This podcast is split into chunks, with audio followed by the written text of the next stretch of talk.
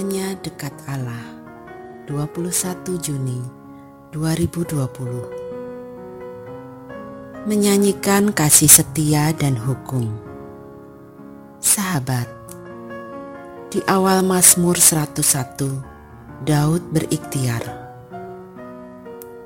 Aku hendak menyanyikan kasih setia dan hukum. Aku hendak bermasmur bagimu ya Tuhan Pertanyaannya, apa yang dimaksud dengan menyanyikan kasih setia dan hukum? Daud memang penyair.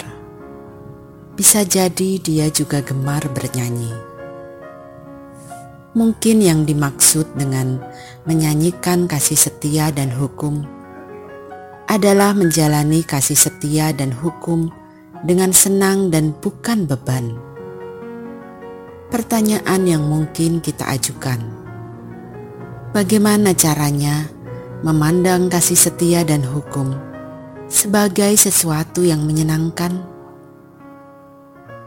Sahabat, agaknya kita perlu memandang diri kita sebagai orang yang telah merasakan betapa berharganya kesetiaan itu sendiri. Bayangkan apa jadinya kita ketika ibu kita menolak menyusui kita sewaktu bayi karena alasan capek. Pikirkanlah apa jadinya nasib kita saat guru kelas tak begitu sabar mengajari kita.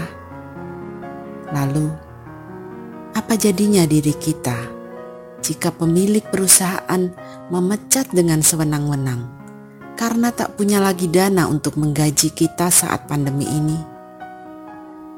Semua itu tidak terjadi karena ada unsur kesetiaan. Keberadaan kita sekarang ini sedikit banyak merupakan buah kesetiaan orang lain.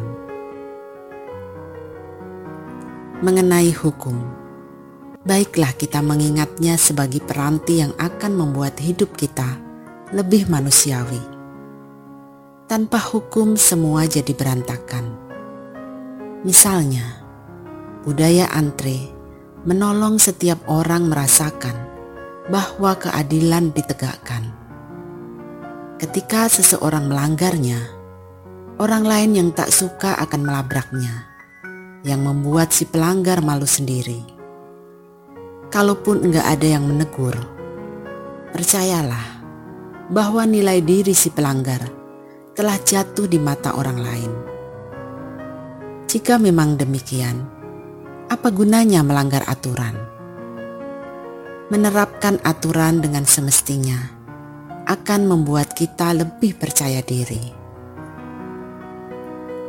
Oleh karena itu, agaknya kita perlu belajar berikhtiar seperti Daud dalam ayat 2. Aku hendak memperhatikan hidup yang tidak bercelah.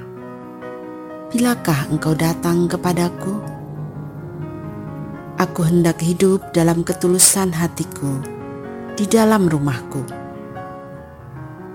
Marilah kita belajar hidup tulus, mulai dalam rumah kita sendiri, juga di tengah pandemi ini.